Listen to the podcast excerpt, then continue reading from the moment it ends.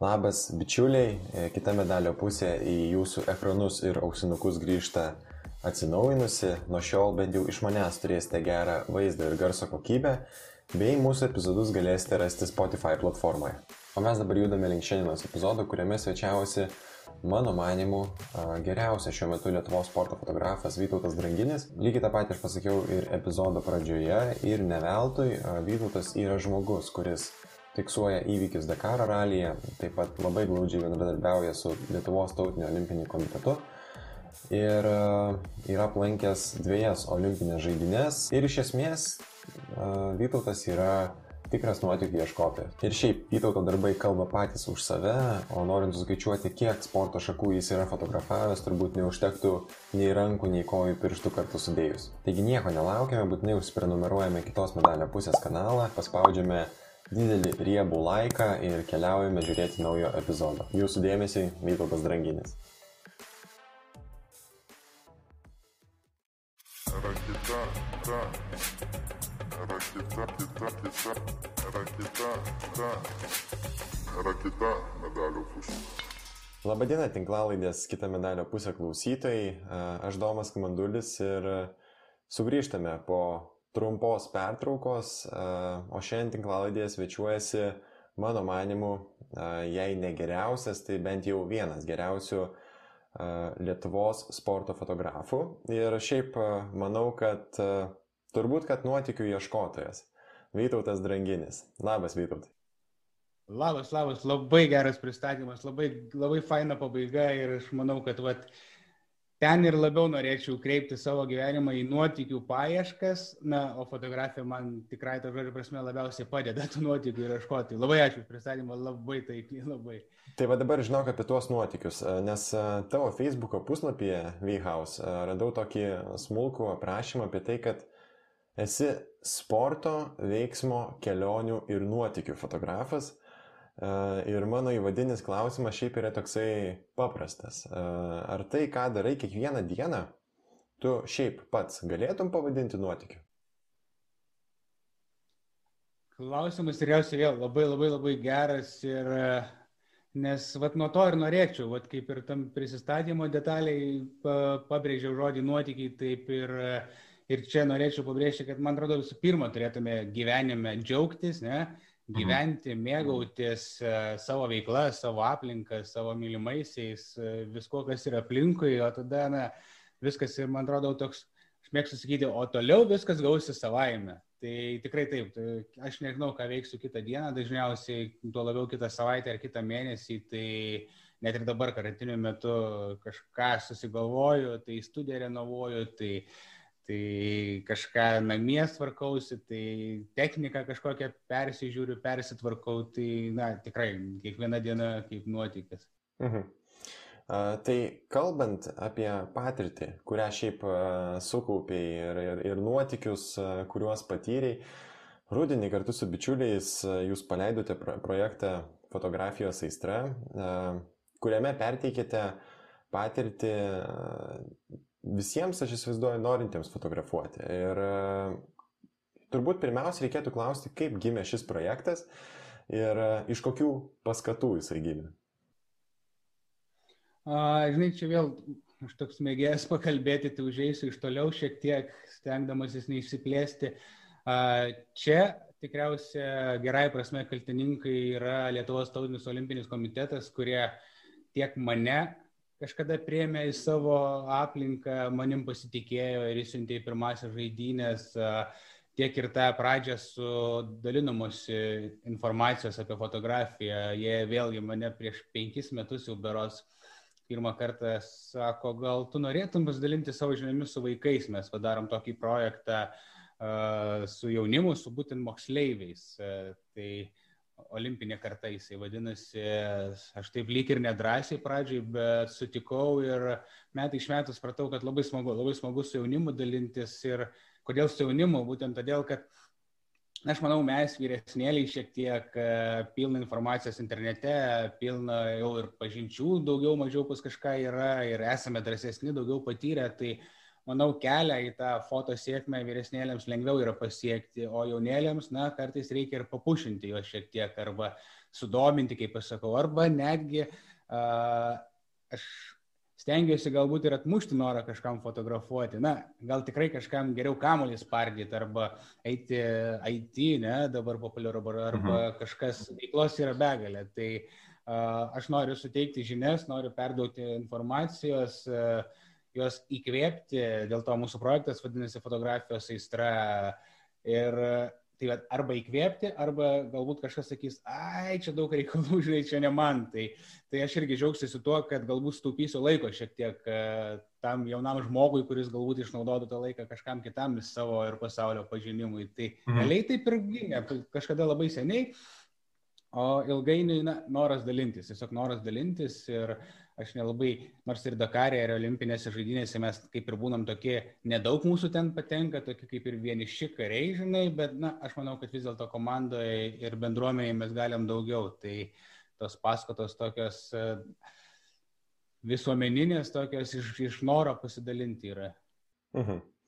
A, šiaip irgi buvau vienas tų, kuris e, buvo prisijungęs į, į, į fotografijos aistros uh, susitikimus, vėliau sekiau ir, ir man užstrigo viena tavo istorija. Tu pasakojai, kaip padedamas to, kad esi šiaip fotografas, tu atsidūrėjai Baja tūkstantis varžybose.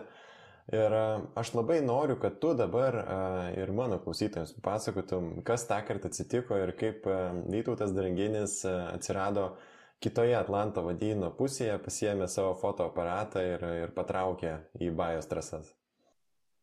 Žinai, šitą istoriją gal net ir man, man vis dar patinka ir šiandien tik bičiuliai sakiau, kad, na, jau norėčiau grįžti į Bają.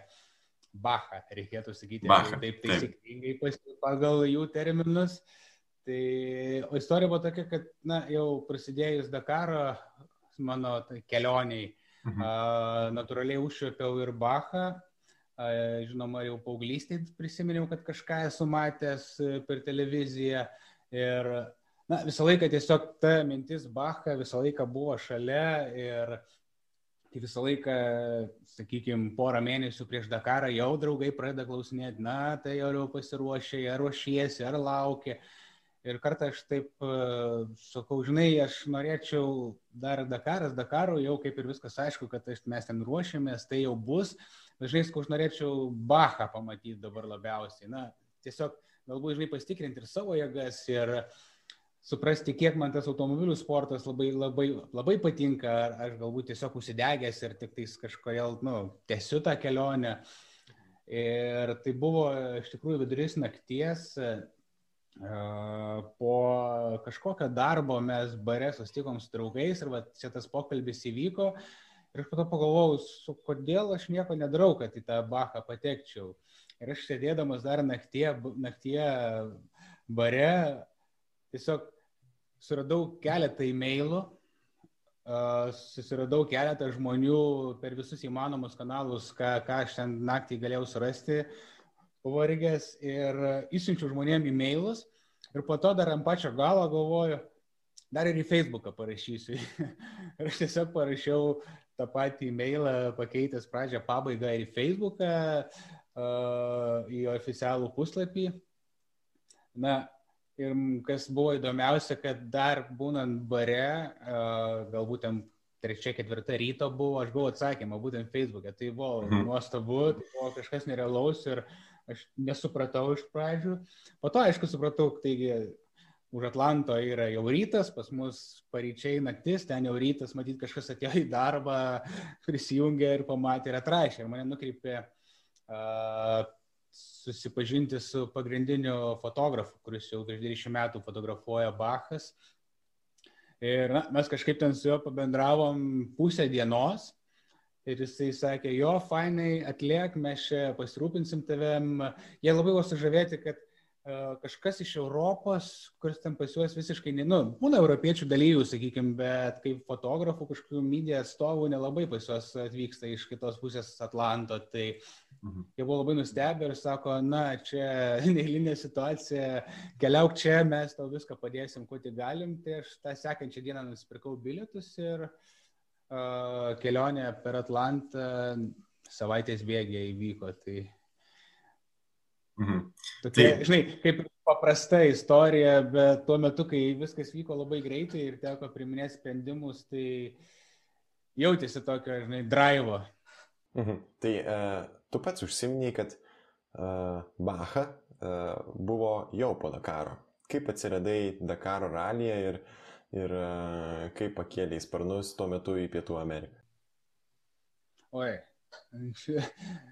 sunku taip labai greitai ir trumpai atsakyti, bet dabar kai tik žiūriu į lentą, tokią autorių užrašų lentą savo mažoje studijoje ir ant jos yra parašyta Dakar, tai tas užrašas ant tos lentos atsirado maždaug 15-16 metais, kada, mhm. kada jau buvau išvažiavęs, išvažiavęs į savo pirmasis žaidynės Azerbaidžane, Europos žaidynės ir uh, jau buvo planuojamos ir olimpinės žaidynės. Ir tada kažkaip aš Azerbaidžanė supratau, kad noriu fotografuoti sportą.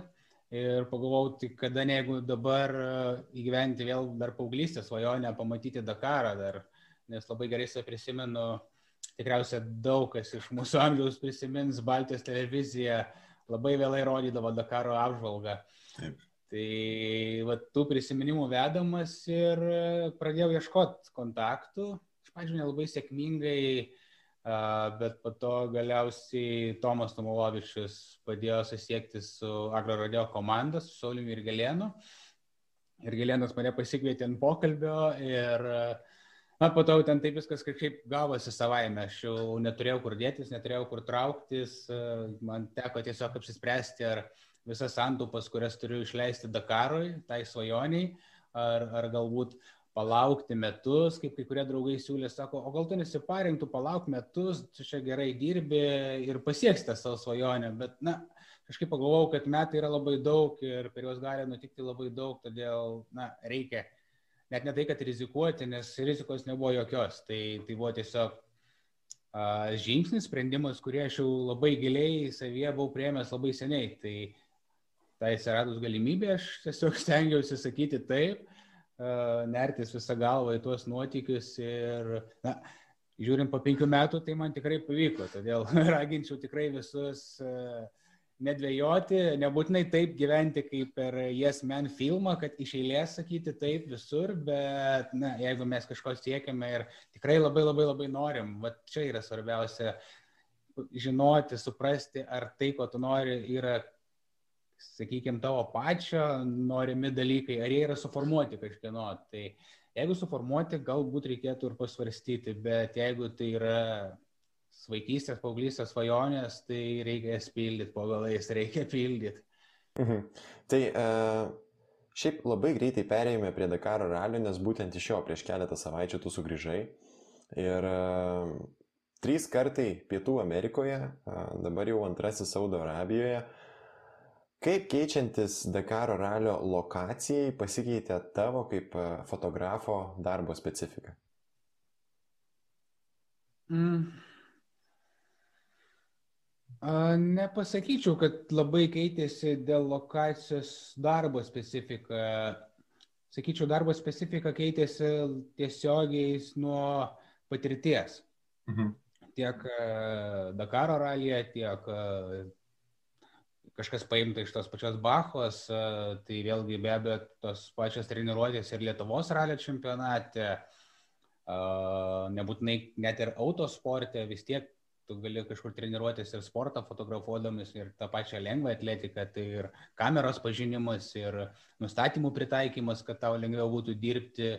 Tai sakyčiau, labiausiai įtaką daro mano patirtis ir, uh, sakykime, šiais metais keliavau į Dakarą eilinį kartą su nauja kuprinė, aš kiekvienais metais perku naują kuprinę, iš manęs juokiasi draugai jau, bet, na, aš ieškau pačio patogiausio būdo keliauti, pačio patogiausio būdo dirbti ir kiekvienais metais, kiekviename darbe aš kažką vis bandau e, Kartais tai vat ir nėra susiję ne su fotografija, su technika, bet su aplink esančiais dalykais, kurie tiesiog mane išlaisvina. Mhm. Tai su to tobulėjimu tai tikrai patirtis. E, reliefas, aišku, skiriasi taip pat, e, sakykime, mes turėjome daugiau kopų Pietų Amerikoje šiek tiek, bet šiais metais organizatoriai nepašykštėjo kopų tikrai.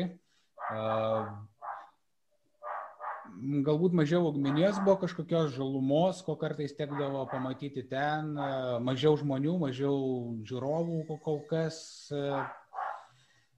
Tai, sakykime, mums labiau pasilgstam Pietų Amerikos dėl šilumos, mhm. dėl va, tų žmonių, dėl, nes, na, temperamentas yra absoliučiai skirtingas, e, kultūra yra labai labai skirtinga, jau nekalbant nuo Europos, bet nuo Pietų Amerikos dar daugiau. Tai šiek tiek pasilgstam Pietų Amerikos, bet, na, čia susirinkom sportuoti, čia susirinkom atlikti savo darbo, tai kaip ir gyvenam tuo ir žiūrėsim vėlgi, kur tai nuves. Organizatoriai žada ir daugiau valstybių artėjančiais metais, pažiūrėsim galbūt, galbūt tai kažką irgi duos įdomesnio. Mhm. Šių metų Dakaras tai buvo kitoks nei praėjusiai ir jis buvo kitoks dėl kelių priežasčių. Prie, prie vienos iš jų mes tuoj prieisime, bet pirmoji tai turbūt buvo koronaviruso situacija ir, ir tas visas Dakaro burbulas, kuriame tau ir, ir visiems kitiems teko gyventi. Kaip tavo požiūriu pasikeitė Dakaro bivakas ir visa emocija jame, lyginant su Pietų Amerika, lyginant su ta pačia Saudo Arabija, Saudo Arabija prieš metus, lyginant su tais Dakarais, kuriuose tu jau esi buvęs?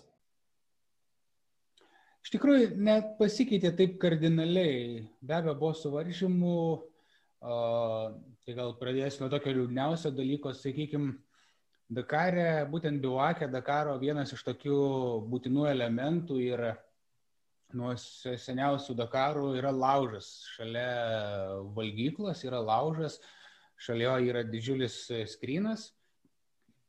Atsiprašau. Ir tai yra didžiulis skrynas, kuriame rodo dienos apžvalgą.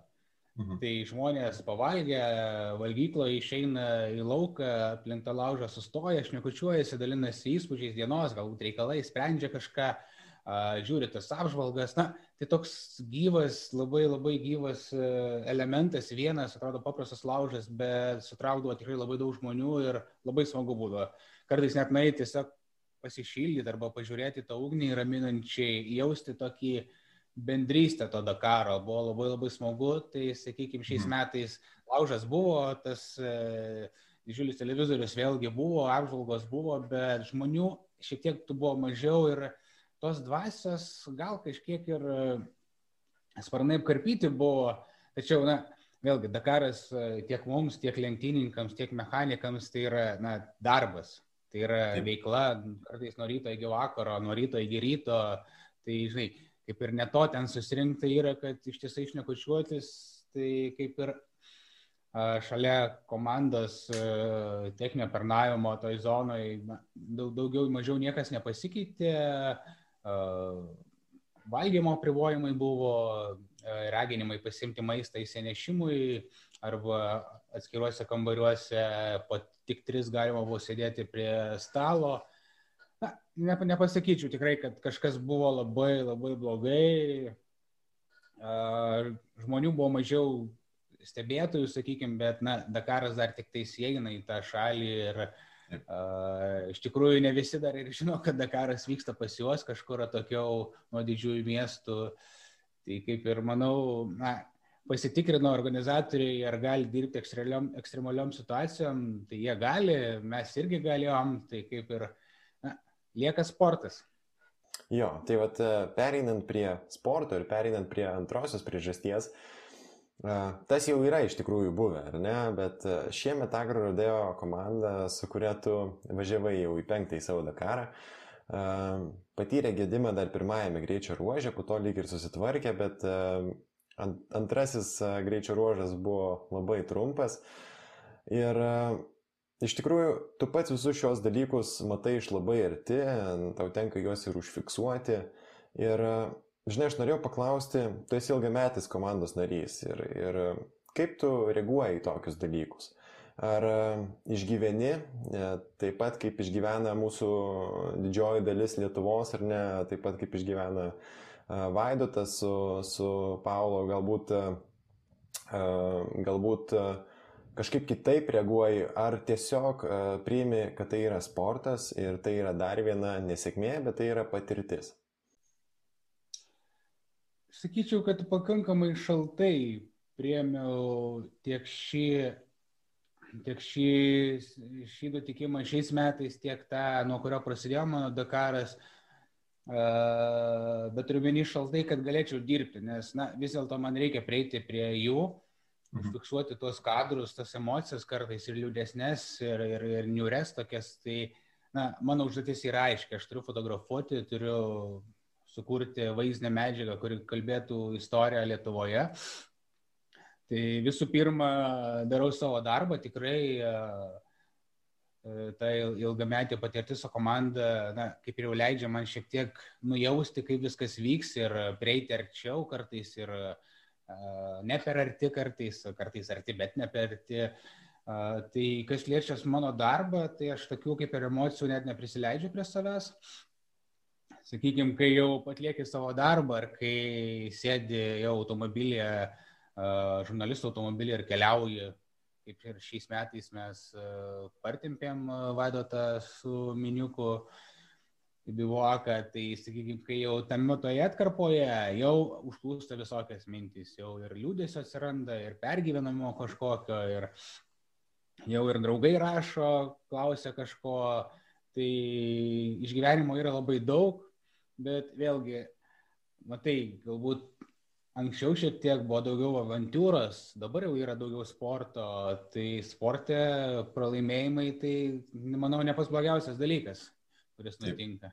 Taip. taip. Pirmojo greičio ruožo finišė, mm, jeigu aš nesuklysiu, tai Paulius Garkauskas filmavo laivą, tu fotografavai finišuojančius dalyvius ir turbūt buvai be ne pirmasis, na bent jau iš medijų komandos, kuris sužinojo apie tai, kad agrorodeo ekipažas stovi trasoje ir, ir jiems reikalinga pagalba, ar ne? Taip. Mhm. Tai uh... mes, mes žinojom telefonu labai greitai, prasme, realiai iš karto. Iš karto, mm -hmm. kai tik e, Vaidas jau suprato, kas yra, mums pranešė ir pasakė, kad perdutume žinutę. Mes jau tiesą prieš e, Dakarą buvom kaip ir informuoti, kad uh, Vaidotas Žalas sakė, Hebra, viską sakot, ką žinom, tą, tą sakom, nieko neslėpiam. Na, pas mus niekada nebūdavo tokių uh, tokių kažkokių dalykų, tai tiesiog tai buvo toks natūralus dalykas, mes sužinojom ir tiesiai, tiesiai pranešėm informaciją visiems sėkėjams. Mhm.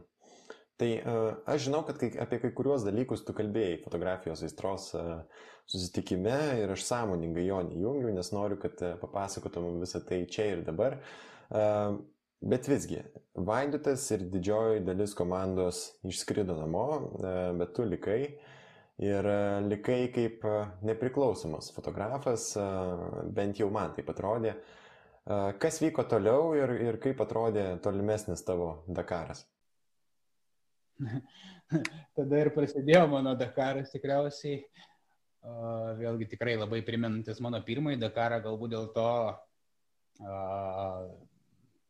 kaip pasakyti, ir Na, ne vien dėl to pasiryžau tęsti tą Dakarą, man tikrai net, net, netrūko drąsos ir manau, kad kiekvienas fotografas būtų pasielgęs mano vietoje taip pačiai.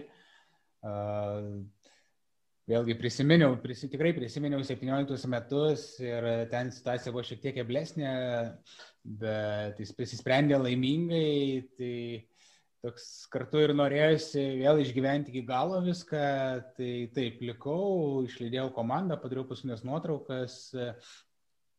Na, likau su pagrindiniais daiktais savo, iš pradžių mane priėmė Antano Juknevičius, jo komanda, bet labai greitai atsirado daugiau žmonių, kurie, kurie galėjo man padėti su transportavimu manęs ir Ir tiesiog prasidėjo, prasidėjo Dakaras, prasidėjo fotografavimas, na, darimas to, ką aš labiausiai ir mėgstu. Tai dirbau savo darbą ir kartu mėgausi tą ir laisvę kažkiek, tas, nei, kad, kada esi neįsipareigojęs, tai, na, taip, kažkiek išlaisvina, bet iš esmės tai būčiau daręs tą patį, ką ir dariau su komanda.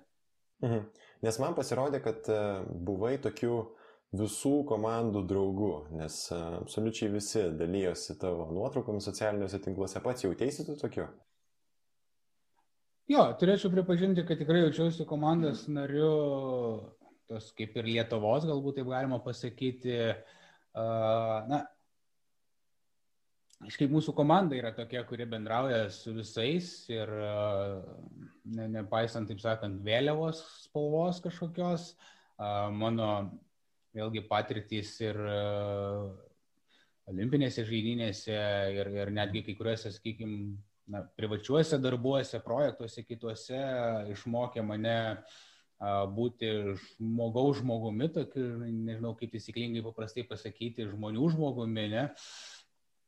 Ir, na, aš dirbu savo darbą, mano užduotis yra, net ir galbūt, kada aš jau nesu kažkam priklausomas, tai prieš save atsakingas, aš, aš turiu padaryti geras nuotraukas, nepriklausomai nuo to, koks automobilis atvažiuoja. Tai gali būti ir tie nelemti kiniečiai, kaip, mhm. kaip, kaip kurie trenavo lietuvius. Ir tikrai turiu labai gerų nuotraukų jų, turiu gerų nuotraukų Antano Iknevičiaus, Benedikto Vanago, Laisvido turiu, Larniko turiu nuotraukų, Vaidoto turiu irgi lygiai pačiai nuotraukų ir na, aš save laikau tokiu na, Lietuvos fotografu ir, uh, sakykime, prisiminus, labai trumpai prisiminus 15 metus, kada išvykau į savo pirmąsias žaidynės, Europos žaidynės su Lietuvos taulio olimpiniu komitetu, tai pamenu, kai pirmą kartą į stadioną per atidarimo ceremoniją įėjo Lietuvos delegacija. Uh, na, suspaudė tikrai širdelę ir akimirka buvo man pačiam labai jautri. Mhm. Tada ir supratau, kad vis dėlto aš kaip ir tas pats sportininkai ne, siekia geriausio rezultato, aukso medalio arba tiesiog aukštesnės pozicijos dėl savo priežasčių, lygiai taip pačiai garsinami ir Lietuvą.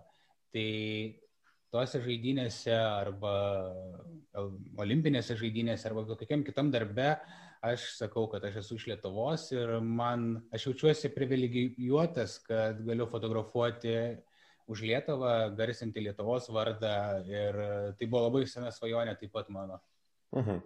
Tai uh, pereikime konkrečiai prie fotografijos, ar ne? Įsivaizduokime, kad dabar esi kažkur smėlynuose ir, uh, ir laukia atvažiuojančių lenktynininkų, Ką tokiu atveju nori akcentuoti savo nuotraukose? Kur yra tavo uh, main fokusas? Na, jeigu jau taip pradėjus nuo pradžių, tai mano fokusas visą laiką yra ant reliefo. Aš stebiu aplinką ir bandau nuspėti, kaip keliaus automobiliai, kokią trajektoriją pasirinks. Uh, sakykime, pradžioje startuoja motociklai, Tai jeigu tu matai, kaip keliauja motociklai, kaip jie važiuoja, kaip perlipa per kažkokią kalną kopą, stebi, sakykime, ar jie labai įsisklaido, ieškodami lengvesnių kiblių, ar visi kaip styga keliauja viena, viena vaga. Jeigu viena vaga, kažkaip, sakykime, verčiasi per kopą kažkur ar per kalną, lipa būtent vienoje vietoje, tai tikriausiai ten yra tas viewpointas organizatorių, mhm. tas, e, kurie turi pravažiuoti per ten, tada uh, sakykime, įvertinę situaciją, kad, na, galbūt čia bus greičio, arba jie nusimes greitį ir galbūt e, kopos viršus su smėliu visų gali per kapotą, per stogą persiverst. Tai jau ten ir reikia fotografuoti. Kartais supratęs, kad, e, na, nelabai įdomi vieta, keliauji toliau, ieškai įdomesnės vietos, tai tenka nait per dieną ir kilometrą ir du. Na, kartais laiko, žinai, atrodo kilometras du nėra labai daug, bet kada tai darai per kopas arba per kažkur opinėjai, per kalno kraštą kažkokį, per akmenis, tai, tai užtrunka šiek tiek. Tai pirmas dalykas laiką yra uh, pozicijos ieškojimas.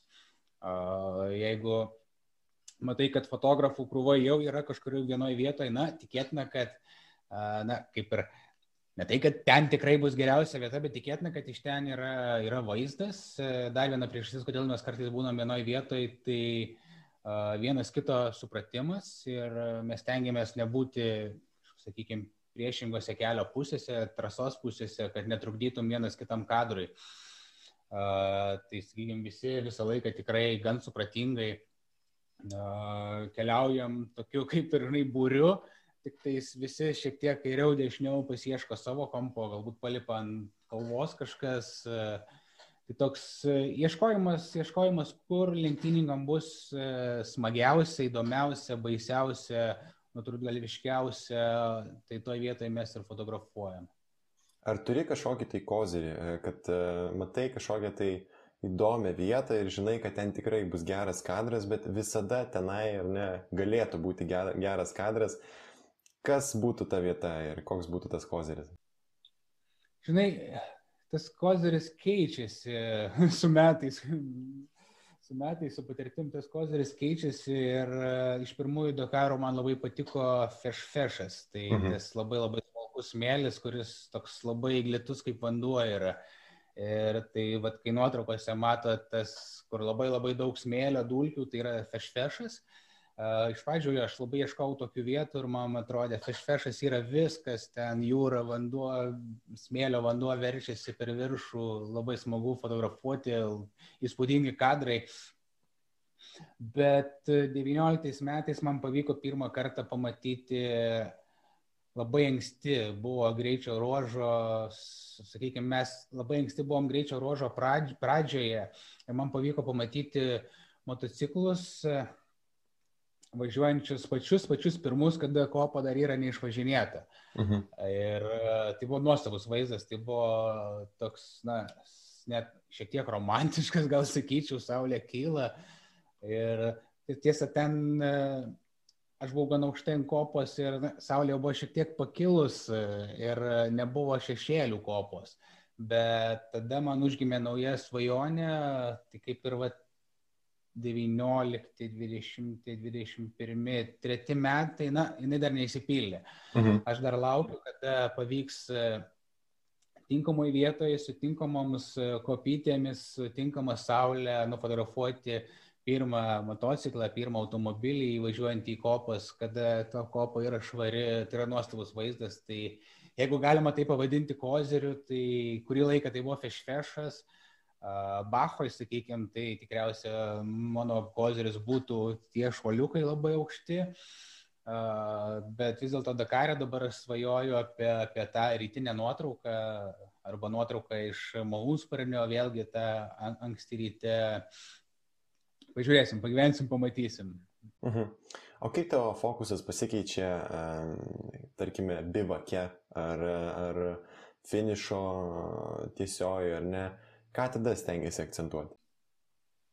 Na, finišo tiesioji ir, sakykime, lenktyninkai, kurie išvyks, išlipa iš automobilio, tai iš karto emocijos. Iš karto emocijos, nes jie būna arba labai laimingi, arba labai nusiminę, uh, pavargę gali būti ir panašiai, tai orientuojasi į žmonės, o jeigu peršokam į bivaką, tai ten jau lenktyninkai, vairuotojai, šturmanai jau, sakykime, labiau ilsisi, mhm. tai istorija nukrypsta labiau į mechanikus, į darbą prie automobilio, tai kartais ir kažkokie, jeigu automobilis yra apgadintas, tai smagu paieškoti tos istorijos tokios tam nuotraukose, kaip jis yra apgadintas, kas nutiko, ar galbūt dar kažkokias šakos likučiai likę.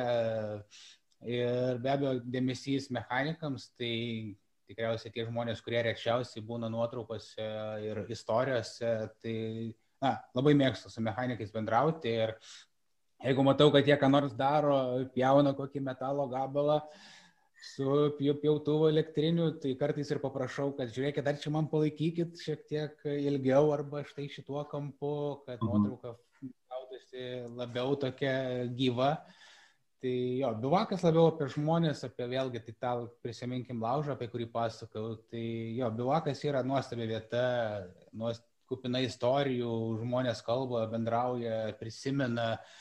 Kažkas galbūt vėlgi svajoja, tik tais tai nuotraukos buvo ko tokios labiau žmogiškos, su istorija žmogiška kažkokia, žmogaus labiau indėlio, o jau trasoje mes tuos vadinamus tokius kovinius kadrus jau darom. Mhm. Uh, su visa pagarba tau įtautai, bet kečiausius Dakaro vaizdus, mano kuklė nuomonė, tai serviruoja čekas Marijanas Čitka, jeigu teisingas yra toks vertinys. Aš kalbu apie MCH foto, tai yra, bent jau taip vadinasi jų Facebook puslapis. Ar tame pačiame Dakaro ralyje tu turi kažkokių fotografų, į kuriuos norėtumai lygiuotis, su kuriais galbūt resgi kontaktą, iš kurių mokaisi? Ne, aš su to pačiu Marianu bendraujame jau atkelinti metai pasidalėjome kartais ir patirtim ir e, jisai paleido kaip tik e, filmuką dabar apie savo Dakarą, savo komandos Dakarą. Tai jeigu pasižiūrėsi, tai pati pirmoji ta užsklandos nuotrauka būtent mano yra daryta, mhm. kada jisai fotografuoja pradulkės e, lekiantį side by side tą mažąjį automobilį. Tai mes tikrai bendraujam, tikrai man patinka jo fotografija ir puikiai žmogus moka perteikti istoriją, Na, ne veltui dešimtas beros Dakaras pas jį yra jau išbrėžtas ant kameros. Mhm. Tai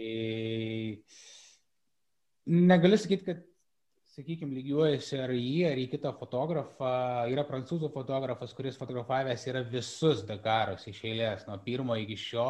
Tai, na, žinai, jeigu paieškosim, tikrai galima vienoje vietoje su vienu pasilygiuoti, kitoje su kitu. Lygiai taip pačiais pe, pe, lygiai taip pačiai ir pečiais galimas pasistumdyti tiek su vienu, tiek su kitu. Aš apskaitai neturėjau savo fotografijoje labai daug tokių žmonių, į kuriuos lygiuotis. Aš mėgausi, galbūt sakyčiau, jų nuotraukomis ir uh, ne tai, kad atkartot norėčiau, bet, na, sakykime, fainai, Vat kažkas labai labai įdomaus, kažkas labai uždegančio yra jo nuotraukoje, to fotografo tokioj nuotraukoje, to fotografo tokioj nuotraukoje, tai kartais, žinai, pasakai savo, nu, va tokios nuotraukos ir aš norėčiau. Mhm. Tai, sakykim, sekantį kartą ir bandai kažką daryti, nežinau, ar tai galima pavadinti atkartojimu, ar, ar, ar, ar, tu siekiamybė daryti kaip vienas ar kitas fotografas, bet, na, manau, dviračio neišrasi, tiesiog turi, turi iškos savo stiliaus ir, na, nes, žinai, sakykime, jeigu jau malūnsparnis įskrenda iš automobilio galo, tai bus ar vienas kampas šiek tiek, ar kitas kampas, na, istorijos kažkokios kitaip ne, nenupiešia. Mhm. Koregavimas nuotraukos taip jau galima šiek tiek įsiskirti, bet aš labiau mėgėjęs mėgautis tuo, ką darau, nekopijuoti, bet uh, Jeigu kažkas sutampa su kitų nu, nu, fotografų nuotraukomis, tai manau, kad tiesiog mes visi einame kažkokia gera linkme, geru keliu. Tai pasigalinėti visą laiką galima, bet e, manau, kad sveikiau yra parodyti vieni kitiem, kad, na, ir aš galiu, ir aš galiu, tai sekantį kartą ne tik aš kažkur turiu patobulėti, bet ir kitas fotografas turėsiu kur patobulėti, nestoviniuoti vietoje. Mhm. Tai toks, sakyčiau, mes esame labiau bičiuliai su fotografais negu kažkokie konkurentai arba užbrėžiantys kažkokias ribas vieni kitiems. Mhm. Tai žvelgiant tik iš kūrybinės perspektyvos, e, kur tarp visų penkių išrikiuotum šį Dakarą Saudo Arabijoje ir, ir turbūt kodėl? Uh, nesunkus klausimas, tai tikrai yra geriausias mano Dakaras. Uh, Mhm. Apart pirmojo. Tai galbūt, sakykime, kūrybinė prasme šitas yra tikrai geresnis už pirmąjį, tai vėl ir patirties jau klausimas yra ir, ir daugiau kartų mažiau, mačiau lekiančius automobilius negu pirmajame Dakare, bet pirmas Dakaras buvo pirmas Dakaras ir ten su mano istorija aš pirmą kartą tokį tikrai greitai lekiantį automobilį ir uh, į fešfešą iššokantį pamačiau tik dešimtąją dieną Tai realiai 10, 11, 12 buvo trys dienos, kada aš tikrai mačiau kažką smagaus. Mhm. Toks jau buvo išlaukta, žinai, išlaukta, jau, jau, jau to lekiančio, taip norėjau, kaip vandens tą karštą dieną. Tai jisai vien, tas pirmasis Dakaras vienaip svarbus ir ypatingas ir niekada nepamiršiu. Šitas yra kitaip smagus ir ypatingas. Aš taip man rodos, kad galbūt tiek likimo pagalba, tiek tikriausia savo norų pagalba. Toks kaip ir manau, kad tai buvo egzaminas, kurį, kurį daugiau mažiau tikrai neblogai išlaikiau ir taip va, būtent ir vertinu, kad atsiradus galimybėj turėjau parodyti, ar aš veltui ar ne veltui tuos penkis metus paskui, paskui tuos plerpiančius automobilius lakstau. Uh -huh. uh, Šiaip, Vytautai, tu esi žmogus, kuris praėjusiais metais vėlavo į Dakaro ralį vien dėl to, kad, na, buvai susilaužęs koją ar ne, bet vėliau su ramentais atvykai į Saudo Arabiją ir toliau gaudai kadrus. Ir šiaip klausantieji, žiūrintieji jau turėjo, manau, susidaryti nuomonę, kad šiaip kalbė apie Dakarą ir kaifuoji. Ir, žinai, aš taip norėjau paklausti, ką tau iš esmės simbolizuoja Dakaro ralis? Kova. Tokia kova su savimi, su principais savo, kartais vėlgi, žinai, ir žmonės e, primeta tau kažkokią etiketę, tai sakyčiau, tas vad kova su savimi, savo vidumi, savo e, kažkokiais sprendimais, jūs tų sprendimų prieimas, prieimimas e, ir toks, žinai, tas kokteilis, vad visas to, toks laviravimas, kad tai per daug nenukryptų į vieną ar į kitą pusę. Tai ta tokia kova vis dėlto Dakarė, mačiau ne vieną verkiantį ir vyrą, ir ne vieną kovojančią iki galo ir moterį. Ir ten tikrai nėra tokio dalyko kaip tautybė kažkokia, vienas geresnis, kitas blogesnis žmogus, stipresnis, silpnesnis. Na, tai yra tokia kova visų pirma, manau, su savim, tas finišo linijos tas siekimas vis, visai kaip ir vėlgi sprendimų prieimimas kaip ir mūsų komandai. Tai tikrai nelengva visiems buvo ir tai yra kova ne kitaip. Mhm. Mes šiaip tuoj turėsime vasario 16 ir visai nesiniai turėjome didelę šventę, tai yra uh, 30 metį sausio 13 įvykių. Ir šiaip man teko šiek tiek pašmirinėti interneto platybėse ir aptikau tokį tavo tekstą svetainėje boretpanda.com. Ar čia tavo tekstas? Tu rašėjai apie tai, kaip Lietuvo žmonės susikybo rankomis ir palaikė Baltarusiją, nes būtent taip lietuviai padėjo pamatus laisviai, norint išsilaisvinti iš Sovietų sąjungos. Ir, ir tai ar aš dabar galėčiau teikti, kad Dakaras, ta pati Baha, ta, tas olimpinės žaidynės, kelionės ir apskritai tavo fotografo darbas, tau simbolizuoja laisvę ir, ir tai, kad mes esame laisvi. Taip, e, visiškai teisingai, nenorėčiau įsiplėsti. Ir šiais metais e, parašiau labai trumpą žinutę Facebook'e, kad na, jaučiuosi, jaučiu privilegiją, būdamas laisvu, mhm. esamas laisvu, būdamas pats laisvas žmogus ir na, čia net nenoriu plėstis, nes tai didelė laimė keliauti aplink pasaulį, pažinti žmonės, šalis, viso to proceso metu pažinti ir save geriau. Ir, na, tas, manau, taip, svarbiausia yra laisvė kaip tautos, kaip savęs, kaip asmenybės ir tas vėlgi visas kombinacija viso to, na, tik tais džiaugsmą kelia tikrai. Ir... Mhm. Tai uh, čia, žinai, gavos labai geras perėjimas link e, olimpinių žaidinių, kurių tavo gyvenime iki, iki dabar buvo dviejos, ar ne? Tai 2016 metais e, buvo vasaros olimpinės žaidynės Rio de Žaneire ir 2018 metais buvo žiemos olimpiada Pjongčiangė. Ir, e, žinai, sportininkai turi pereiti savus normatyvus, kad, kad iškovotų kelialapius į olimpinės žaidynės. Kaip savo kelialapį iškovojai tu? Aš žinau, kad tai yra istorija dar gerokai prieš tas olimpinės žaidynės, bet kaip nutiko, kad atsiradai uh, L-Team medijos komandoje? Viskas prasidėjo iš tikrųjų nuo sveiko miesto. Viskas prasidėjo nuo sveiko miesto, kada visiškai atsitiktinai uh, keliaudamas per Vilniaus senamestį, per Gedimino prospektą, pamatęs, ką tik buvau grįžęs iš Londono ir tiesiog išėjau pasižvalgyti po seniai matytą Vilnių, pofotografavau žmonės, kurie ten kažką darė, vienas pardė kamolį, kitas mėtė kamolį, kažkas e, tenisą žaidė.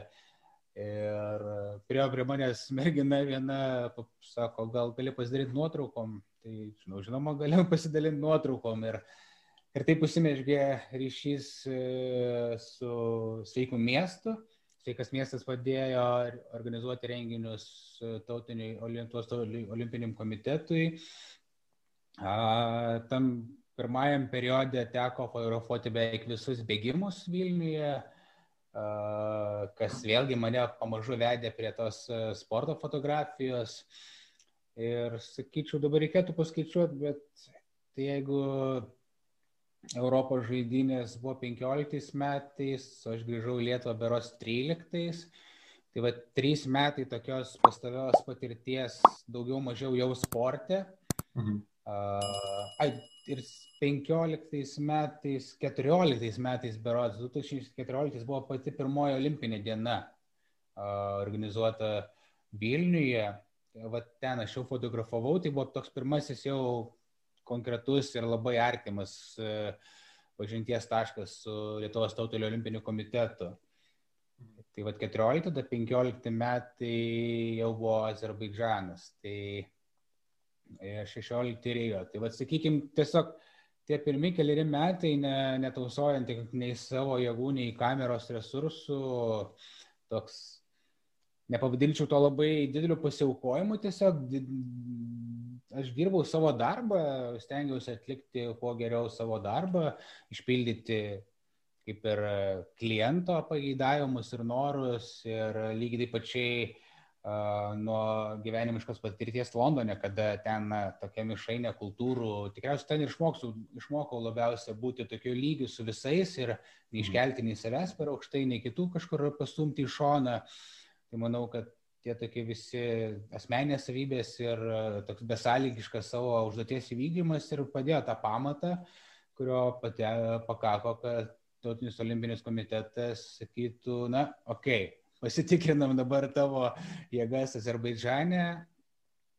Taip, e, nesu daug kartų tai sakęs, bet po Azerbaidžano, kada supratau, kad na, tai, tai mano, man tai labai patinka daryti, aš jaučiuosi ne tik laisvas, bet ir na, savose vėžiose.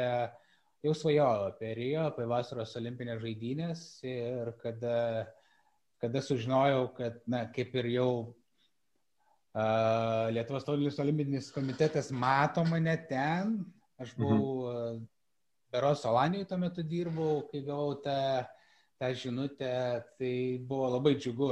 Toks, na, labai labai smagus jausmas buvo. Ne, ne, ne, ne kiek, toks, žinai, yes, buvo ir to žinoma, bet toks, toks ramiai, džiugus, aš, bet tai ir leido man suprasti, kad man tai patinka ir aš tikrai galiu save atiduoti, kad viskas tarsi ir buvo taip savaime iš, iš, išlaikyta ir savaime užaugo.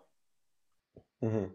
Nes šiaip sportininkai e, daug akcentuoja olimpinių žaidynių atidarimo ceremoniją, deglo įžiebimą, ar ne? E, tie patys atletai kalba, kad e, apskritai olimpinėse žaidynėse nu, emocija yra kažkas neįtikėtino. Uh, Dabar lygiai taip pat aš paklausiu tavęs, nors tu nesi sportininkas, bet tu esi fotografas ir, ir tiek Rio de Žaneire, tiek Pyeongchangė, kokia buvo emocija, žinant tai, kad tas renginys iš esmės yra absoliuti sportininkų meka ir, ir, ir turbūt didžiausia pasaulio atletų siekiamybė.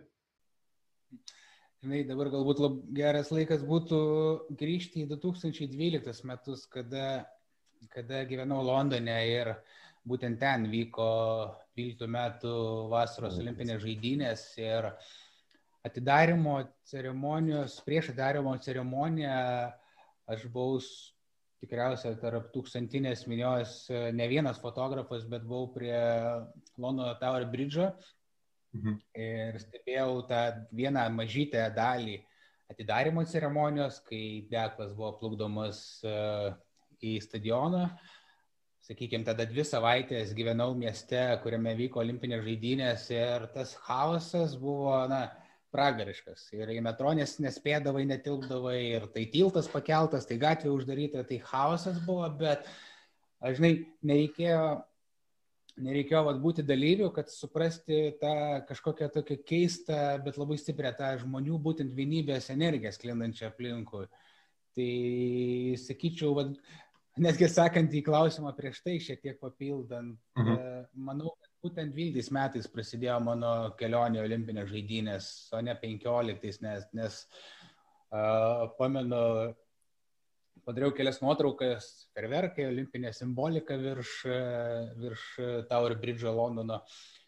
Ir man tokia mintis kilo, kodėl man vat, nenufotografavus olimpinių žaidinių. Ir tada toks iš karto atsakymas, žinai, tai kaip tu fotografuosi, na, tai tikriausiai neįmanoma yra.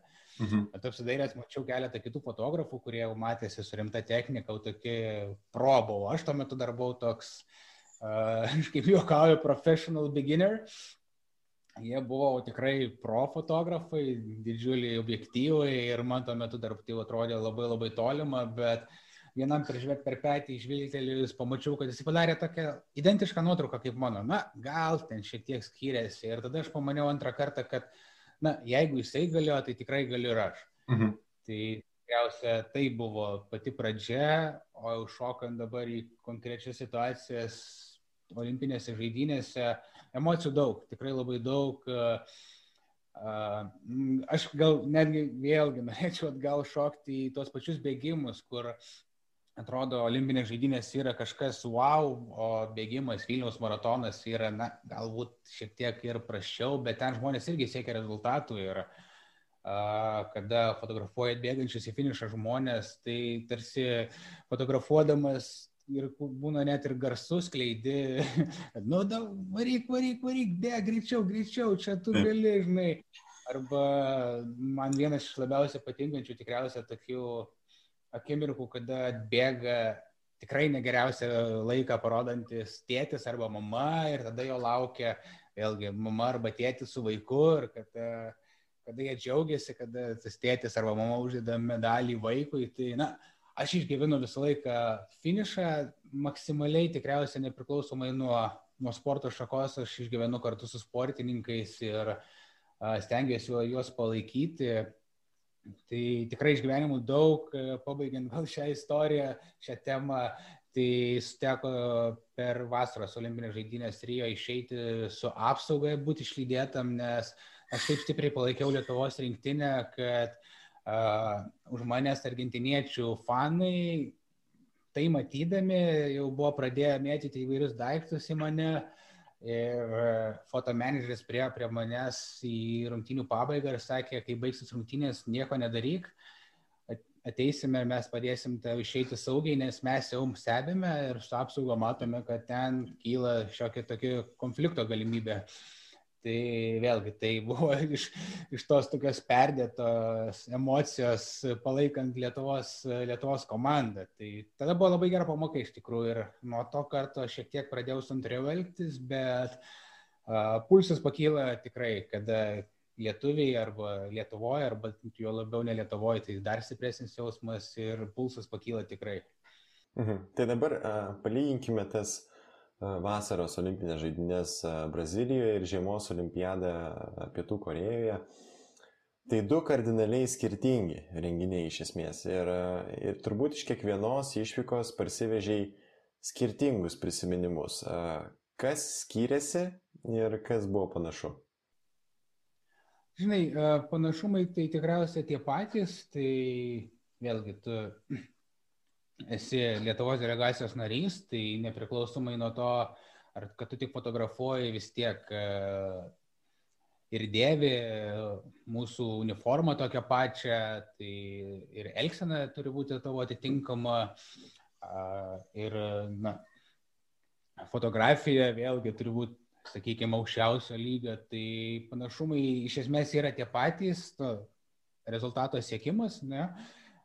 Skirtumų Labai daug nėra iš jų, iš tikrųjų, tai apart to, kad tikriausiai šiluma ir šaltis. Tai mhm. Junktinė tikrai buvo ne taip šilta, bet e, Lietuvos tautinis olimpinis komitetas buvo tuo pasirūpinęs ir aš e, nesiskirdamas nuo likusios delegacijos narės narių tikrai buvau šiltai aprengtas. E, tiesiog ten buvo gan vėjuota ir buvo, kad ir snigo labai stipriai ir buvo atkeltas keletos varžybos dėl oro sąlygų. Tai Aš išskirčiau tikriausiai tik vieną skirtumą, tai tą šaltį, kuris šiek tiek riboja tavo judesius. Visa kita, tai vėlgi tiesiog aukščiausio lygio žaidynės ir aukščiausio lygio pasiruošimas tiek techninis, tiek toks ir fizinis, sakyčiau. Tai apskaitai aš nelabai apsiskirčiau kažkokius tokius uh, skirtumus ar sunkumus, aš nepaisant to vėlgi, ar tai yra olimpinės žaidynės, ar kažkoks renginys Lietuvoje, na, aš manau, kad mes turime vienodai gerai dirbti visur ir uh, kartais tenka dirbti ir, uh, na, nemokamai, galbūt kartais draugui kažkokią paslaugą padaryti, arba mhm. klientui, kuris tikrai negali savo verslo pradžioje įskirti daug pinigėlių, tai mes tikrai mielai padarom kažkokias nuolaidas ir nepaisant to, vėlgi, ar kiek uždirbi, ar kam dirbi, aš visą laiką stengiuosi dirbti vienodai gerai. Tai toks, žinai, ir tų klausimų kartais mažiau, mažiau kyla ir problemų mažiau kyla, kai visą laiką turiu užsibriežti savo liniją ir jos tos kartelės ten nuleidžia. Mhm. Kaip atrodo fotografo diena olimpinėse žaidynėse ir, ir ar tai kažkiek panašu į tai, kas vyksta Dakaro ralyje, ar, ar galbūt polisio turite šiek tiek daugiau? Polisio šiek tiek daugiau turėjau tik žiemos olimpinėse žaidynėse, tai tiesiog mažesnis kiekis atletų. Mhm. Ten tikrai galėjome kartais tą koją ant kojos ir susimesti, bet iš tikrųjų labai daug, va čia yra labai daug panašumų, nepriklausomai ar tai Dakaras ar Olimpinės žaidynės, keliasi labai anksti, pusryčiauji ne visą laiką, net ten, kur sėdi, sakykime, kur gyveni, nemaž dalį maistos laiką įsidedi į kuprinę kažkokį šokoladinį botonėlį, augalinį botonėlį, įsidedi į kišenės ir keliauji kažkur, nes uh, Vis dėlto sakyčiau, kad tiek Dakare, tiek olimpinėse žaidynėse pagrindinė valiuta yra polisis miegas. Tai vardant miego ir polisio tikrai aukojame daug ir maisto sąskaita kartais ir to polisio sąskaita stengiasi, tai yra kažkokio darbo sąskaita, stengiasi dalį darbo padaryti automobilyje, važiuodamas Dakarį arba autobuse, keliaudamas tarp skirtingų arenų olimpinėse, olimpinėse žaidynėse. Mhm. Tai toks tikrai intensyvu, Dakarė galbūt mes daugiau praleidžiame automobilyje, sakykime, per dieną būna įveikiama nuo, nuo 4-500 km iki 800 km, kartais net ir daugiau yra buvę. Tai toks, sakykime, ten daugiau sėdi per parą, olimpinėse žinėse daugiau vaikštai, kursuoji tarp e, arenų. Miegas, maistas, poilsis tai yra tai, kas, kas užtrunka mažiausia. Ten uh, dažniausia, nors žinai, galbūt va, tokia trumpas interpas, pasitengsiu trumpai, olimpinėse žaidynėse, sakykime, yra labai ribota vieta fotografams skirta. Vis dėlto, kaip ne kaip, tai yra televizijos renginys ir didžioji uh, didysis dėmesys skiriamas TV kameroms. Uh, ir kartais tikrai yra, na, taip, saliginai pašykstama vieta, pašykštama vietos fotografams, uh, ypač ne organizatoriaus fotografams, tai kartais tenka, sakykime, ateiti į areną ar į kažkokį manėžą valandą, dvi anksčiau, tiesiog, kad užsimtum tinkamą vietą fotografuoti. Tai jeigu vasaros e, olimpinėse žaidynėse šiek tiek paprasčiau, tau tiesiog yra karšta, tai žiemos olimpinėse žaidynėse buvo šiokių tokių iššūkių, kada sniege ir vėje turi stovėti valandą laiko vien tam, kad kažkas kitas neužimtų vietos. Ir, nes ten tokių dalykų, kai pasidėjau vat, kuprinę ir čia mano vieta, tai tokių dalykų nėra. Uh, tu turi ateiti ir ten būti. Tai, sakykime, kartais atrodo, kad tinginiauji, bet, na, vis dėlto tu jau galima rasti tokį atsakymą, kad ir jau esu pasiruošęs darbui, jau laukiu vieno kadro. Nes jo, dažniausiai tai būna viena lokacija kažkokiam vienam kadrui skirtam, kad būt fonio olimpinė simbolika matosi arba vėliava Lietuvos kažkur. Tai nors ir atrodo, kad tinginiaujam, bet na, mes laukiam to vieno vienintelio kadro dažniausiai. Mm. Tokia tar diena, tik keliesi ir vėlai eini miegoti.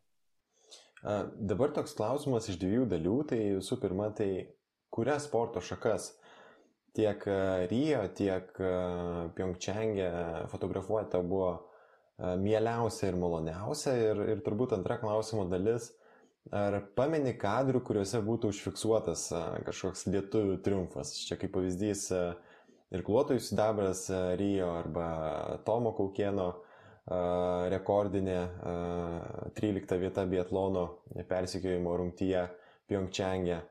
Turi tokių per, pergalingų fotografijų? Jo, visą laiką esi pasiruošęs tom, toms akimirkoms ir be, be galo džiugu. Bet galbūt, sakykime, aš labiau tais pergalingais kadrais vadinčiau vieną iš tų kadrų, kuris iki tos finišo juostelės, iki to medalio vyksta. Mhm. Vis dėlto ta kova, kova man yra įdomiau, aš, aš be abejo džiaugiuosi su bet, su bet kuriuo, bet kuriuo sportininku, kuris, kuris pasiekė tą vieną iš tų trijų laiptelių, tai be, be, beprotiškai smagu ir, ir pavyksta padaryti tų kadrų, kada džiaugiasi, atsikanda to medalio, šūktelna, pašoka, bet, bet man smagiau yra tas veiksmo kadras. Mm, Dakarė, Dakarė vėlgi labai smagu, kai išlipa iš automobilio vyriokai, apsikabinėja, šaukia, džiaugiasi, bet vėlgi tas veiksmo kadrai man, man yra įdomesni ir Nežinau, galbūt nepadariau, matai, galbūt dar nepadariau tokio kadro, kurio, kurio labai džiaugčiausi, kad va, jau čia yra tas kadras, bet... Mhm. Bet dar padarysiu tada ir tikrai, tikrai visi, visi pamatysit. O kalbant apie sporto šakas, kas, kas įstrigo taip? Uh, sakyčiau, matai, visas sporto šakos yra kažkuo įdomios. Aš gal pasakysiu į klausimą taip, kas labiau nustebino. Pavyzdžiui, uh, trekas dviračių man tokia atrodė visą laiką ta sporto šaka tokia, nu, suka tuos ratus, suka ir ten, nu, kas ten gali būti įdomaus, bet ten mane nustebino labai ir iš fotografijos pusės tai yra, uh, nu, gal ne tūkstantis, bet tikrai šimtas ir viena galimybė mhm. nufotografuoti kažką kitokio, tai ir peningas vadinamas, uh, ir labai platus kadrai, labai gražus būna. Ir nors mums nelabai leidžiama, bet keletą kartų taip beveik man buvo pavykę, sakykim, kada jau yra ta uh, treko tos siauriausios dalys, tai dviratininkai važiuoja beveik horizontaliai ten kartais. Ir tai dar aš noriu padaryti tą kadrą, dar nesu to padaręs, bet vat, persisverst mat kažkaip ir nufotografuoti labai plačiai tą visą treką kartu su dviratininku horizontaliai beveik gulinčiu. Uh, Tai tikrai norėčiau, tai sakykime, tas tikrai labai nustebino, A, dabar bandau prisiminti. Aš galbūt ir sakyčiau, va, jo, tas šakos mėgstamiausios tos, kurios sudomina, tai tas pasirklavimas, kada labai smagu fotografuoti, nėra lengva, bet smagu, kada jau arti finišo juostos, kada kapojasi ne viena komando daugelis ir vėl ten pagauk tą saviškį tarp, jeigu jisai ne pirmajame takelėje, kažkur per vidurį, tai pagauk tai tarp tų purslų, tarp tų kitų atletų, toks irgi, žinai, yra smagumas. Tai uh, tinklinis pležo labai smagu yra, ten tokių vėl ir smėlio to pačio, galbūt, nežinau, gal su Dakaru susiję, kad uh mhm. -huh. tas smėlis. Tai, bet Ne, nu, ne, tikrai negalėčiau išskirti vienos konkrečios šakos. Tas, vat, man įdomiausias yra arba kurios nustebina kaip trekas, arba tos, kurios iššūkių sukelia, kad, na, reikėtų kažkur pasilipti, kažkur užlysti, atsigulti, paieškoti kitų kampų. Jo, tai mes pakalbėjome apie, pakalbėjome apie Dakaro ralį, pakalbėjome apie olimpinės žaidynės, bet sporto šakų, kurias tu fotografuoji, nu tai yra apstu. Bet vis dėlto, kuri sporto šaka arba apskritai kuris renginys tave veža labiausiai ir, ir tau yra mylimiausias ir tu jame jautiesi, kad save realizuoji geriausiai? Nesulauksiu paprastą atsakymą, žinok, tikrai šitai vietai uh, labai, labai sunku, nes vėlgi aš, sakykime, olimpinėse žaidynėse toks labiausiai, labai gal keistai nuskambės, bet sunkiausia diena yra darbo diena, yra atidarimo ceremonija. Tai visa mhm. diena tiesiog mums labai anksti tenka ateiti į, į areną, į stadioną, mums reikia išklausyti keletą apmokymų, kaip mes turime elgtis. Tada ta, vėlgi vietos tas pats susėmimas, labai ceremonijos ta pradžia tokia yra ištesta. Uh, tada vėl ceremonija vyksta pakankamai ilgai, vis atidarimo ceremonija ir toks, na, tikrai labai labai ilga diena ant kojų, sunki, tada, kada vyktam, vykstame namo, tai įsivaizduok, vienu metu iš arenos iš per atskirą išėjimą išeina, na, tikriausiai keletą tūkstančių spaudos atstovų ir autobusų, kurie veža į žurnalistų kaimelį, yra galbūt 10-15, bet tai yra didžiulė grūstatis juos patekti, parvažiuoti. Tenka važiuoti valandą pusantros stovint, vėl aš stovėjus visą dieną, na, tikrai nelengva, bet kada Lietuvos delegacija žengia žingsnį į areną, na, žinok, tai, tai yra vienas nuostabiausių jausmų mano gyvenime. Tai, mhm toks jautiesi vėlgi ir tas laisvas, ir toks pakilėtas, ir privilegijuotas kartu, ir besidžiaugiantis, ir jau atrodo, jau čia tuoj ašras bėgs, nes, na, tiesiog tokia emocinga akimirka ir dar nufotografuoji, gal jeigu gražesnį kadrą pavyko, susikomponavo, viskas niekas neustojo, jokia vėliava nepasimaišė priekį, joks galbūt kitas asmuo priekį nepasimaišė. Tai, na, tai yra vienas nuostabiausių jausmų mano gyvenime. Tai lyg ir sakyčiau, kad, na, va, olimpinės žaidynės mane veža labiausiai, bet, sakykime, Bachoje man pavyko padaryti tokį unikalų kadrą, kad sukūriau laužą šalia trasos ir to laužo pagalba pavyko apsišviesti automobilį. Na, tikrai tai buvo kadras padarytas, kuris nustebino ir tuos vietinius fotografus, ir žmonės, kurie seka Bachą, komentavo internete, kad o, pagaliau Bacha turi šiek tiek kitokių nuotraukų, tai vėl tai labai buvo smagu man ir toks, žinai, ir iš fotografų pusės, ir iš tokio kovotojo, iš vyro pusės, kuris, va, nugalėjo kažkokią vieną, žinai, mešką pagavo gerą. Mhm. Dakarė, pavyzdžiui, vėl, kad aš labai mėgstu plačiai fotografuoti, įleisdamas daugiau informacijos į aplinką, už į foną nuotraukoje, tai kur vyksta veiksmas galbūt, arba vėl jeigu tai tų dulkių labai daug, tai gal iš kurios atvyksta, tai žinai, kada arti automobilio būni ir tas žemė sudreba. Tiesiog tu tikrai jau jauti, kai žemė dreba, šiek tiek ausis apkursta, Tai aš irgi, jeigu tas kadras pavyksta, tai kartais šokinėja iš laimės ir tų buvo kadrų ir šiais metais, ir su malusparniu keletą pagau tokių tikrai smagesnių kadrų. Tai, žinai, atrodo ir čia, ir ten, ir ten yra, tai tikrai, žinot, negaliu įskirti, aš mhm. mėgaujuosi tą kelionę savo tais nuotykiais, kuriuos pati patiriu kiekvienoje kelionėje, kiekvienose žaidynėse. Uh, Ir, ir žinai, tuo, tuo keliauju, tai yra mano galbūt va, tas visas, visa, visa pakuotė, visa kokteilis šitas ir yra mano toks pats mėgstamiausias. Tai yra sporto, fotografija, kelionės, tos nuotykiai. Sunku, sunku atsakyti, bičiuliai, žinok, tikrai. Supratau.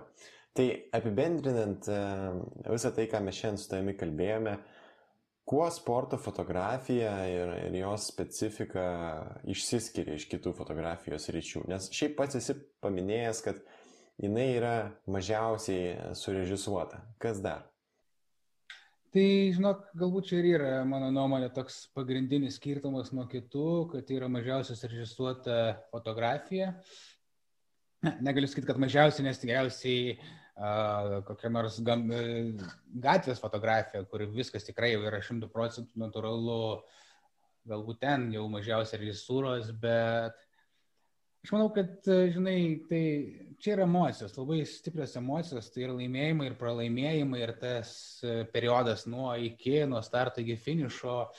Uh, Na, kita vertus ir techninės e, specifikacijos, sakykime, fotografijos jau yra, tu turi šiek tiek e, daugiau žinoti, daugiau jausti, skaityti tą sportą, kada, kada tikrai va, tas bus e, pikinis momentas, kada jau reikia fotografuoti. Tai čia tikriausiai yra tie pagrindiniai skirtumai nuo kitų, kitų fotografijos ryčių ir, ir tas labai greitas orientavimasis tu, žinai, ne, pamiršti, kas vyksta aplinkui, tu dabar susikoncentravęs esi, čia, žinai, ne mados fotografija, kur galėsi pakartoti, na, galbūt, žinai, vestuvėse irgi ne antrą kartą žiedo neužmausi. Tai yra tikrai, kur tos akimirkos ne, nepasikartos, bet, na, ypač kada fotografuoji lietuvius ir galbūt tai nėra pačia, pačio aukščiausio lygio sportininkas, na, visos sporto aplinkos to, žinai, erdvėje. Tai galbūt tai yra vienintelis jo pasirodymas apskritai. Ir, ir tai yra labai labai svarbu jam ir, ir Lietuvai taip pačiai. Tai ta, tas toks, žinai, visą laiką buvimas aštriam tokiam, aštriam, žvitriam ir uh, pastovus uh, toksai koncentracijos aukščiausio lygio buvimas, e, tai tuo aš manau, kad labiausiai skiria sporto fotografija ir, na, bent jau man tai leidžia labiausiai gyvam būti kartu. Mhm. kartu mhm. Uh, kurio sporto, sporto fotografiją apskritai palikime dabar uh, šonę ir, ir pagalvokime, kurios fotografijos rytis uh, dar tave veža ir, ir kuriuose tu jautiesi gerai na, ilgainiui, ilgainiui, manau, daugiau mažiau visi prieisim prie tos gamtos kažkokios fotografijos, nes po to tokio, žinai, chaoso gyvenime, na, nebūtinai blogąją prasme chaoso, aš, aš kiekvieną dieną savo galėčiau pavadinti daugiau mažiau chaotišką, bet manau, kad labai nemažai fotografų nueina į gamtą ir ten, kur jau ieško kiekvienas savo svarbių dalykų, galbūt kažkas gyvūnėlių, kiti mėgaujasi kažkokie lapėje labiau, tai aš dievinu kalnus, labai mėgstu kalnus fotografuoti, vieną kitą teko su Sportlando bičiuliais įkopti, mhm. į kai kurį teko ir neįkopėm, bet tikrai kalnuose praleistas laikas man dar neturiu atsakymo, ką aš ten matau, ką aš ten jaučiu, bet tai labai traukia ir tai vat, po to sporto fotografijos tikriausiai ir būtų uh, kartu su nuotykiais jau tas surišta. Tiesa, matai, nuotykiai ne, ne visai, aš vis dar ieškau, galbūt kažkas ras man tą žodį uh, adventure. Angliškai jisai šiek tiek daug kita, kitaip reiškia negu lietuviškai nuotykių. Ir va dar nerandu tokio tik, tikslaus uh, vertimo į lietuvių kalbą, bet, bet kalnuose aš patiriu labai daug kitų dalykų, kartu panašių ir kas, kas ką aš jaučiu sporto fotografijai, tą aistrą, tą džiaugsmą tokį. Mhm. Tai kalnai, kalnai, keliukai kalnų, na, ten, ten jaučiuosi gerai, aš labai, labai. Supratau. Uh, šiaip jau judėsim link pabaigos, bet dar yra keli klausimai, kuriu, kuriuos aš būtinai turiu paklausti. Ir, ir šiaip, jei aš neklystu, pataisyk mane, jeigu klystu, bet uh, esi minėjęs, kad e, praeitie norėjai būti šokėjai. Ir e, jo. Ir dabar esi sporto fotografas. Ar džiaugiesi tuo, kas esi dabar ir kur esi dabar? Beprotiškai džiaugiuosi ir šokiai, šokiai scena, buvimas ant scenos. Aš esu baigęs e, meninius mokslus, kaip ir turėjau būti artistas, music, muzikų atlikėjas, žmogus ant scenos, kuris šoka, dainuoja, vaidina, kuris pasakoja istoriją žmonėms, kurie ateina pažiūrėti. Tai ne be abejonės tai padėjo labai stiprius pagrindus mano fotografijai ir uh, kada, sakykime, buvimas ant scenos aš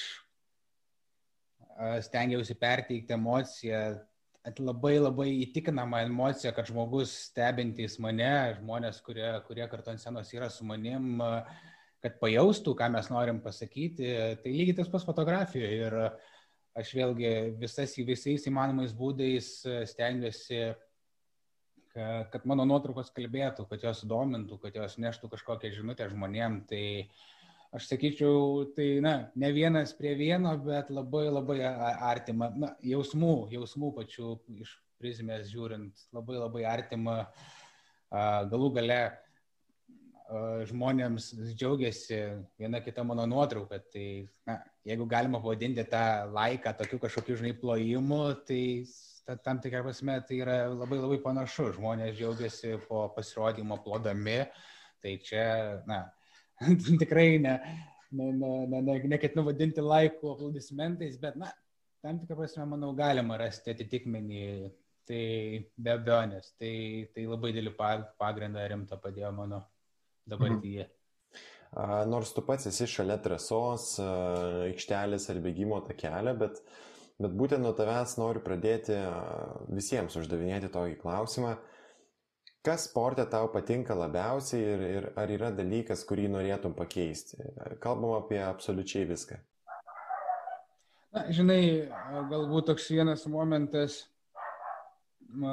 kurį norėtųsi pakeisti, tai nelengva kartais stebėti, sakykime, olimpinėse žaidynėse žengiančius atletus po tarptautinę vėliavą, žinai, kada jie negali dalyvauti po savo tautinę vėliavą. Tai tikrai norėtųsi, kad uh, sporte būtų vis mažiau ir mažiau politikos. Na, tai kartais neišvengiama yra, bet vis dėlto manau, kad verta pasidžiaugti, kad, na, net ir senais, senais laikais vis dėlto sportas buvo tas dalykas, kada žmonės ir nesustabdydavo karus, ne?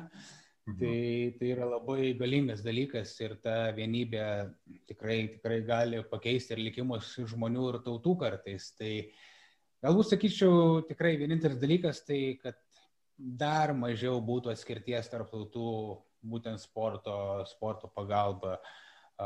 Daugiau, daugiau pakeisti nenorėčiau nieko, žmonės kovoja su savim, vėlgi kartu džiaugiasi. Tiesa, esu matęs, bet labai mažai kažkokių tokių nesportinių momentų, tai aš vis dėlto manau, kad sportas yra gražus dalykas ir uh, esu matęs, kada, kada apsikabina priešininkai, ne, po, po kovos, garbingos kovos, tai manau, kad e, viskas ir turėtų keliauti šią linkmę, na, ir kuo mažiau politikos kažkokios sportė. Uh -huh.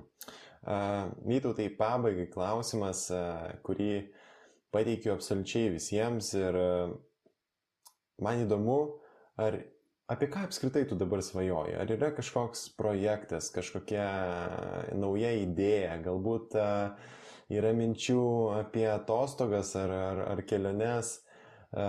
Kas apskritai dabar sukasi Vytauto Dranginio mintise ir apie ką jis svajoja?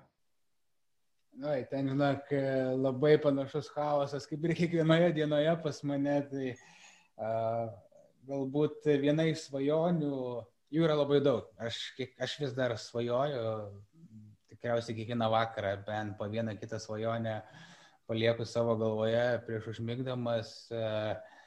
Viena iš svajonių yra, be abejo, yra ir šilko kelias, pavyzdžiui, tai yra ralis per Aziją, svajonė grįžti į Bachą, yra tas pats ekoreis, yra kur kaip ir toks nu, labai šalia senojo Dakaro vyko, yra begalė lenktynių, yra begalė sportų, kuriuos norėčiau nufotografuoti. Vienas galbūt toks e, įdomesnis, tai nežinau, ar tai bus kažkur Norvegijoje, Skandinavijoje, e, svajonė kol kas e, linksta link Aleskos, tai norėčiau šunų kinkinių varžybas nufotografuoti. Tai mhm Tai beje, Saulis ir Galėnas man šitą mintį pakišo jau prieš kokius tris metus.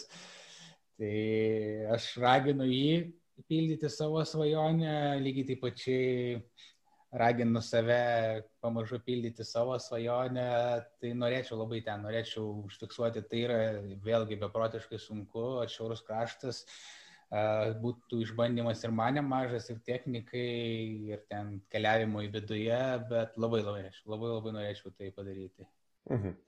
Tai Vytau, tai aš iš savo pusės galiu padaryti du dalykus. Tai visų pirma, palinkėti, kad visa tai, kad čia pasakėjai, kad visa tai išsipildytų.